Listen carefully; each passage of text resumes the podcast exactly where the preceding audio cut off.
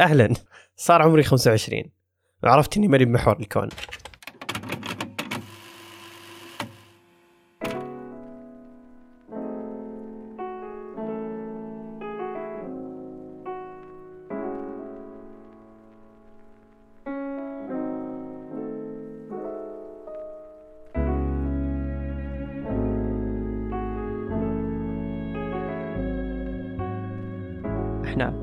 مخلوقات من قصص. أرواحنا مليانة قصص.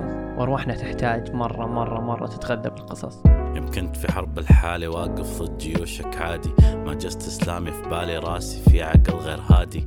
ريحة فكرة تقريبا أقرب للنوع الكادي.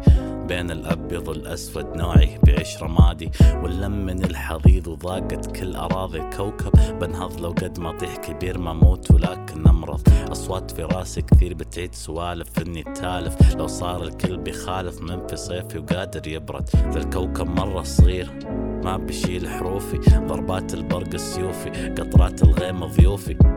لا يسندني واحد أنا تسندني بس كتوفي. وأسند معاي العالم ما بالشكر في معروفي. بحب النوم لأن النوم وحده يسوي skip. لو قلبي اختار كان سريري أولى له الحب. أنا جرع زدت درت الكوكب لما كان عدت. لأن قلت يا رب عمره ما خاب اللي قال يا رب. لكن عادي راسي في عقل غير هادي. عقل غير هادي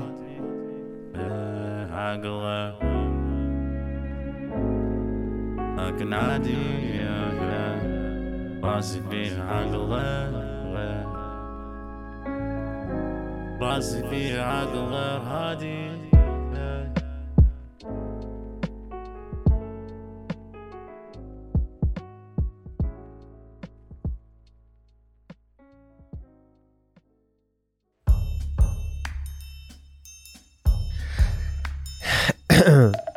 بسم الله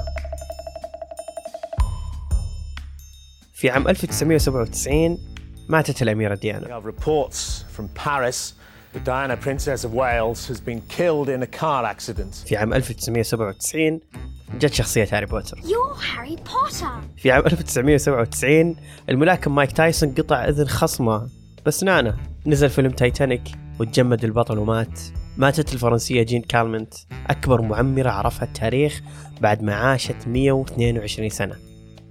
في عام 1997 ما أدري كم حاط ينولد من وين؟ من حاطة. بس أهلا. صار عمري 25 وعرفت إني ماني بمحور الكون. وفي هذه الحلقة من عقل غير هذا بنسولف. ليه مو بمميز إنك تكون من مواليد 1997 وعمرك هذه السنة بيصير ربع قرن. عن ما بعد الجامعة عن الاحتراق الوظيفي على قفا من يشيل وليه اكتئاب الويكند هو أكثر شيء لازم تحل مشكلته.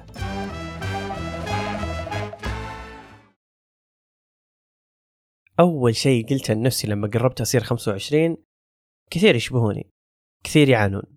ما ينفع آخذ وضعية الشخص اللي ما حد فاهمه ولا ينفع أقول بصوت عالي إني متفرد في معاناتي. كلنا بنمر بهذه المرحلة مرحلة التفرد بالمعاناة والآلام لدرجة تقديسها والحفاظ عليها.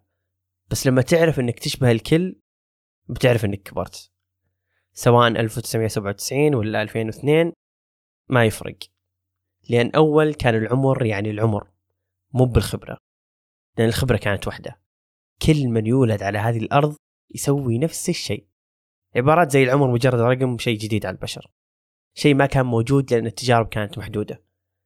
ولكن الحين عشان المعاناة تنوعت واختلفت والمشاكل بدل ما كانت مجتمعية ونطاقها صغير صارت عالمية. صارت عبارة عن طبقات عميقة تجر بعضها من تعقيدها. صرنا نسمي الأشياء مسمياتها وخاصة الاضطرابات والأمراض النفسية. لذلك تعددت طبقات التجارب لما شفنا العالم وعرفنا أن أكثر تعقيدا مما كان يعرض لنا داخل أربع جدران. فوقتها صار العمر مجرد رقم. علميا سن المراهقة جالس يقل. الورعان صاروا ينضجون بسرعة. وبالمقابل الموت جالس يتأخر بسبب تطور النظام الصحي. وبديهيا لو صار متوسط عمر الإنسان جالس يزيد معناها مرحلة الشباب جالسة تتوسع. فالتجارب والبحث والضياع بيطول. يصير الواحد يبحث عن نفسه لمدة أطول من المعتاد. يمكن جالس أهبط عليكم أو ما أدري يمكن ما أهبد. بس بناء على المعطيات اللي قدامي من أبحاث تخص طول عمر البشر حاليا وبرضه بالمقابل أبحاث عن ضياع جيل الشباب وزيادة معدل الاكتئاب بنفس الوقت يعطي كذا لمحة سريعة إن الموضوع يساوي معاناة أطول في البحث عن الذات. لأن لو اللي رافق بحث زيادة عمر البشر هو بحث عن ارتفاع معدل السعادة كذا بنقول معناها لما طال عمر الإنسان الواحد صار عنده وقت وفرص كثيرة يحصل فيها نفسه ويبنيها على هدوء ورواقة فصار سعيد. بس ما أدري. أحس حس شيء اخذه بعين الاعتبار صراحة أحيانا. وأنا أحس إذا صرنا شباب لمدة طويلة ممكن نكتشف بعدين إننا ما نحتاج كل هذا الكم الهائل من السنين الزايدة.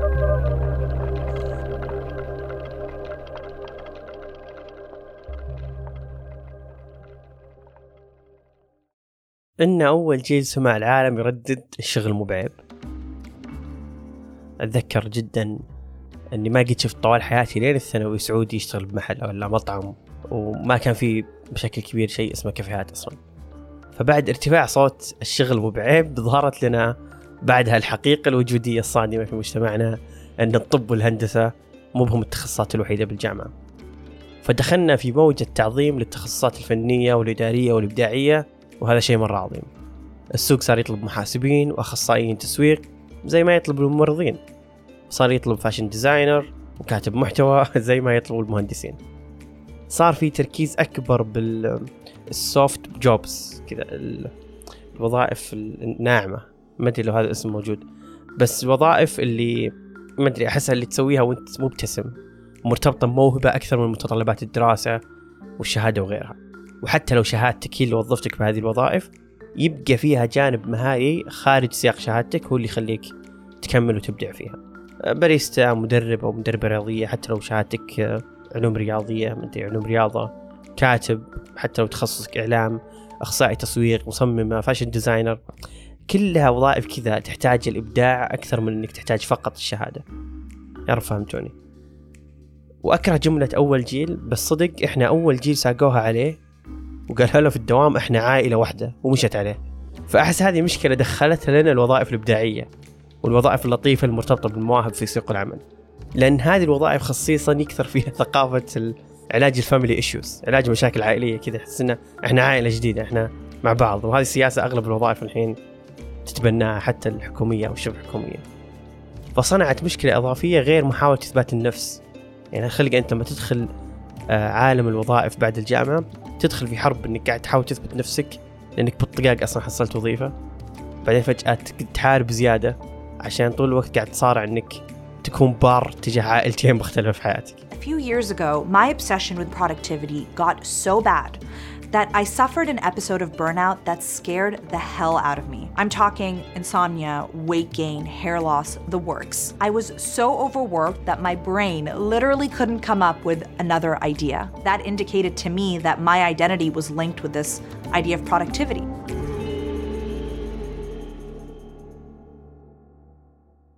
الاحتراق الوظيفي هو الحالة اللي تكون فيها مشاعرك وجسدك وعقلك مستهلكين بقوة وطاقتهم مهدرة بسبب القلق الوظيفي أيا كان شكله.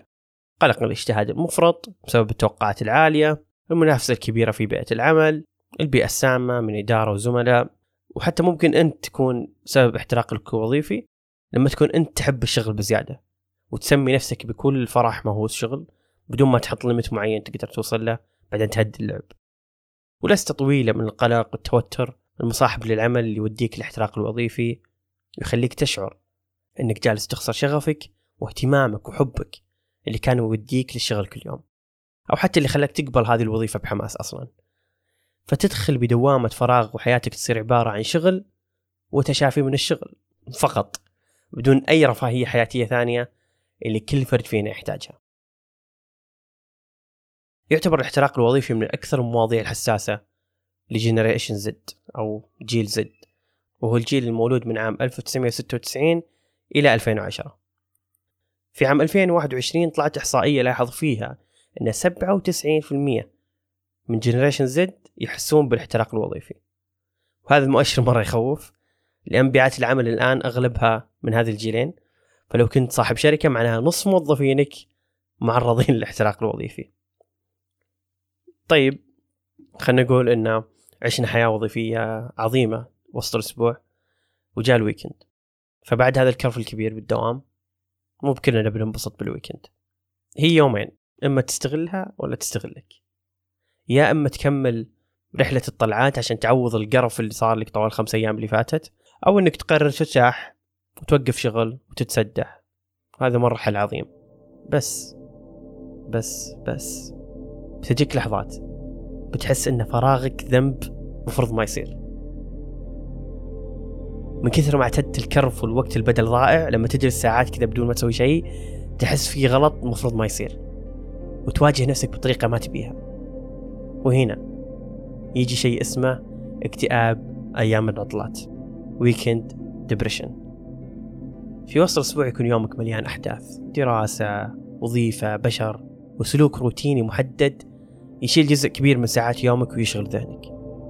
بس بمجرد ما يهدى كل محيطك يوم الجمعة يبدأ يجيك كذا حزن غريب صعب تشرحه. فتعالجه بطريقتين. أما تطيح نفسك وما تقوم من السرير أو تعالجها بالداء نفسه وتكمل تخلص شغلك أو دراستك اللي ما قدرت تخلصها بوسط الأسبوع أو حتى تخلص المشاريع اللي في الأسبوع الجاي. وحتى لو ما تحب شغلك أو ما تحب دراستك ومنت مميت عليها بس هي سبيلك الوحيد. عشان تمرر يومك وتقتل شعور الوحدة اللي يجيك بال weekend بعد كمية هائلة من البشر والمهام اللي تعرضت لهم في وسط الأسبوع. وكل هذه الطريقتين غلط في معالجة الموضوع. واللي يزعج انه صرنا نفاخر فيها. الواحد صار ينبسط بصورة توضح إنه في أسانسير الشركة بعد ساعة العمل أو تغريدة توضح إنه مكروف في الويكند أعتقد إن أكثر جيل ينبسط يتحدى بعضه مين ملعون شكله أكثر من الثاني. معليش على الكلبة بس إحنا كذا. نتحدى بعض مين ينوم أقل مين في أرق أكثر. نتحدى بعض آه، مين يشتغل أكثر من الثاني بكم كوب قهوة كل واحد فينا يحتاج عشان نمارس يومنا بشكل طبيعي. فمن كثر سمية وسوء بيئات العمل والوظائف والجامعات صار الحل ان نخليه نكتة ونتحدى وننافس في بعضنا كأن هذا المعيار الطبيعي للإنسان المعاصر. إنه يتعب ويكتئب ويكره شغله ويقول جملة زي على الأقل في راتب أو مكافأة نهاية الشهر. ليه في كلمة على الأقل بموضوع زي هذا يمس تعب نفسي وجسدي بشكل مرة يخوف؟ يمكن أنا دراما بس صدق مرة تروعنا المشاكل النفسية لما تصير نكتة وعناوين وتغريدات وتعريف للذات في البايو. عمر المشاكل والإضطرابات النفسية والسلوكية ما كانت تعريف للذات. أتوقع أنا لو يعني أستمر أتكلم عن هذا الموضوع ماني بساكت أحس يبي حلقة مستقلة تماما. بس في نهاية هذا المحور بس اللي أبيك تعرفه. أولا لازم تبني لك حياة وروتين خارج سياق الوظيفة والجامعة. عشان لما تجلس لحالك لما يخترق لك شعور الوحدة والفراغ على الأقل تلقى سد يقدر يقفل هذا المشروع عليه. مثلا أنا أحب أخصص ساعتين كذا إلى ثلاث ساعات بعد الدوام على طول. بعد الدوام على طول. أجلس مع نفسي وأشوف المهام الجانبية اللي أحبها حتى لو كانت شغل جانبي. أهم شيء أحبه أهم شيء خارج الوظيفة. متجر بودكاست قراءة أروح أشوف فيلم إلى آخره. وساعتين زيادة لأي شيء سخيف أسويه قبل النوم مثلا يوتيوب نتفليكس تيك توك. بالنسبة لي هذا جدول حلو روتين كويس. هذا وسط الأسبوع. بس بال weekend متفق مع نفسي إني ما أطلع ابدا من البيت لأنه مكان راحتي. بعد ما أخذ مني الدوام نومي وجهدي العقلي والجسدي فحس إن ال weekend هو أنسب وقت أقدر أريح فيه. طبعا كل واحد يخطط باللي يناسب ساعات عمله دراسته وقت نومه لأن بناء خطة بيساعدك كثير ترتب أولوياتك وهذا بيرفع من تقديرك للوقت واهتمامك بوش تضيع فيه. وترى كلمة تضيع وقت مرة حلوة عادي تضيع وقتك بس أنت تختار بالضبط وش تضيع فيه. مو بلازم وقتك تكسبه دايم ما فيها مشكلة يعني ضيع وقتك. ثانيا الانتماء مو مهم طالما الشغل كويس والبيئة لطيفة. وترى الاحتراق الوظيفي مو بشرط للموظفين تقدر تحترق حتى وانت طالب. لما تكثر عليك الأشياء والدكاترة كلنا نعرفهم يحسبون الويكند هو مكان لتخليص المشاريع السابقة وبتصادفهم مواجد عادي. لذلك الانتماء شيء صنعوه عشان تضحي بكل حب وتكون نفسك ثاني أولوية لما الموضوع يخص الشغل أو العمل. فوقفوا تنتمون لأن الامتنان يوديك لطريق كذا عاطفي بزيادة فتصير تضحي بزيادة الناس اللي قدامك. خليك ممتن. الامتنان مرة حلو. خليك ممتن للشغل وبيئة عملك وزملائك. بس من تب مسؤول أبدا أنك تنتمي لأحد. الانتماء مرتبة عالية جدا ومقدسة ما أشعر. أنا كمبارك أن الوظيفة تقدر توصلها. No matter how hard you might try, you can't just flip a switch when you step into the office and turn your emotions off. Feeling feelings is part of being human.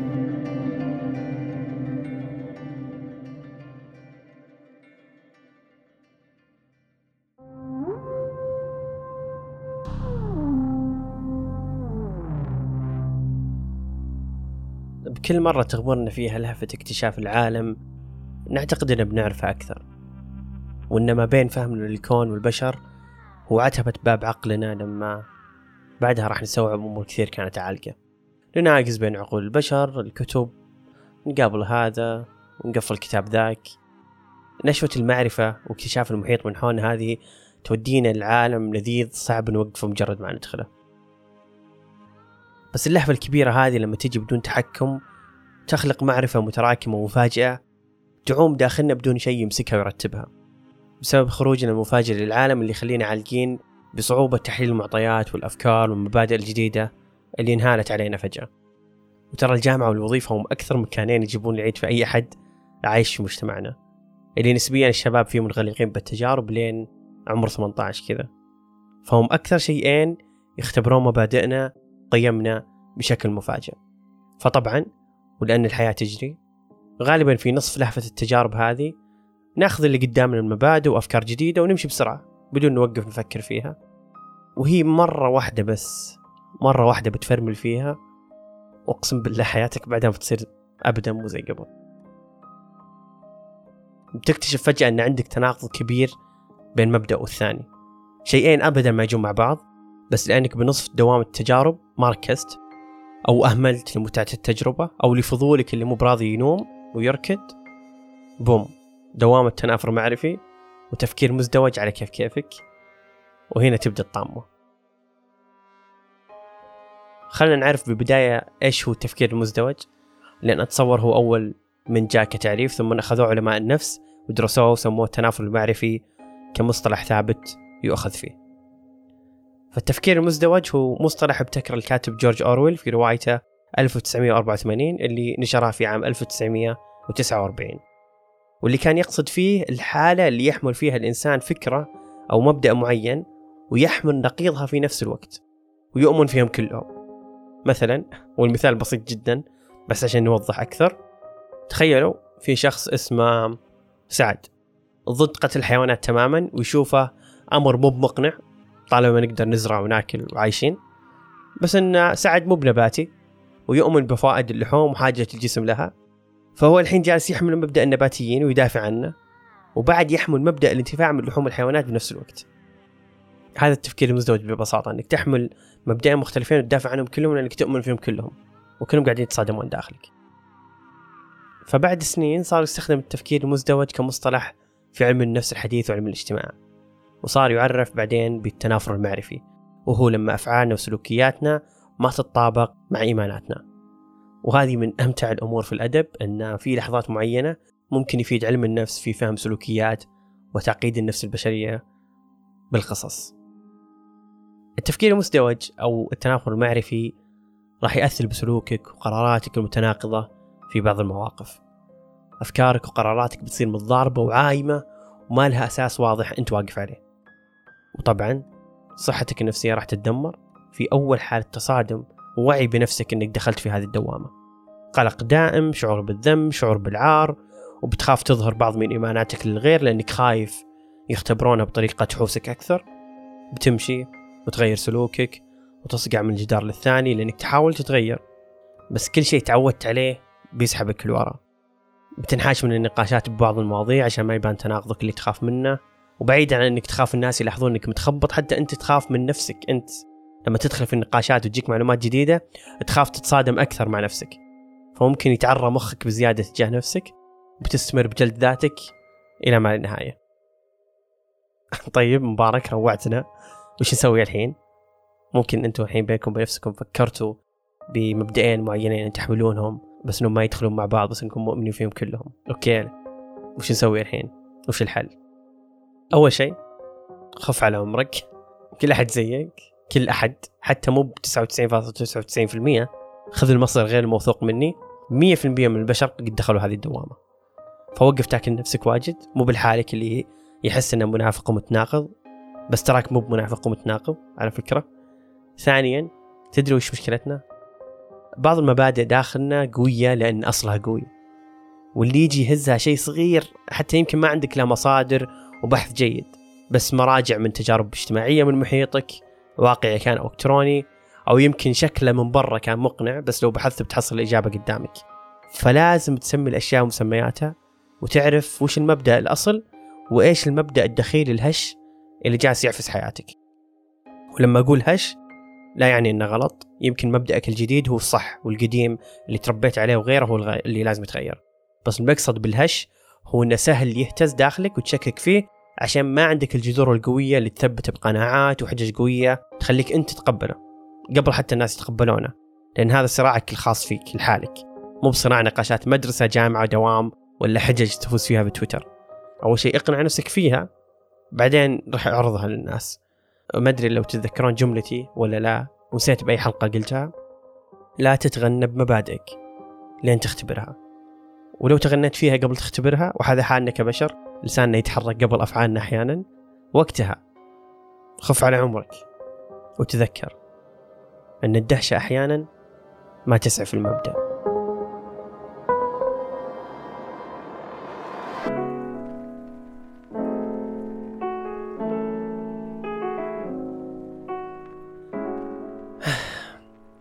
عمري 25 ولحقت على واجد وفاتني الكثير.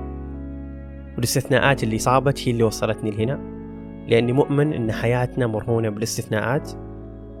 فوقفت أحبط نفسي لما تستمر الدنيا والأحداث بحياتي تخيب لأن هذا الطبيعي. الطبيعي أن هي ما تضبط. معدل أن الشيء يضبط مرة قليل. فيا نعيد. من تم محور الكون؟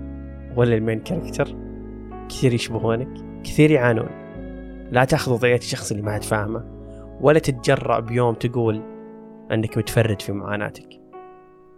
في عام 1997 ماتت الأميرة ديانا. مايك تايسون عض إذن واحد. وصاحوا العالم في نهاية فيلم التايتانيك. وجيت. أنا مبارك.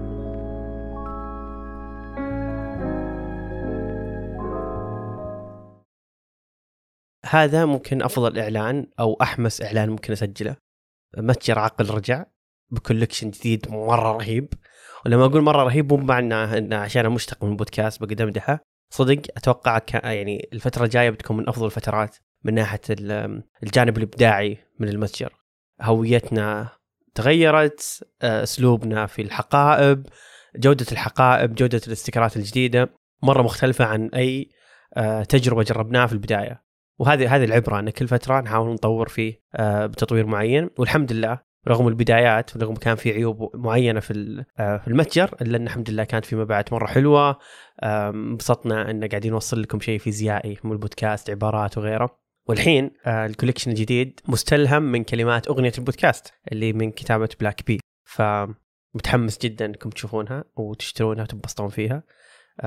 سكتشات ورسمات الاستيكرات مرة حلوة. الحقيبة الجديدة حقيبة آه، الكوكب مرة صغير ما يشيل حروفي من أقرب الحقائب لقلبي ودائما بستخدمها. فأتمنى أنها تعجبكم. وأكيد في كود خصم لمستمعين بودكاست عقل غير هادئ. كل اللي عليكم تكتبونه هو عقل بودكاست AQL بودكاست بالإنجليزي. بس 15% شكرا لكم للاستماع وشكرا لكم على الشراء مقدما. إلى اللقاء.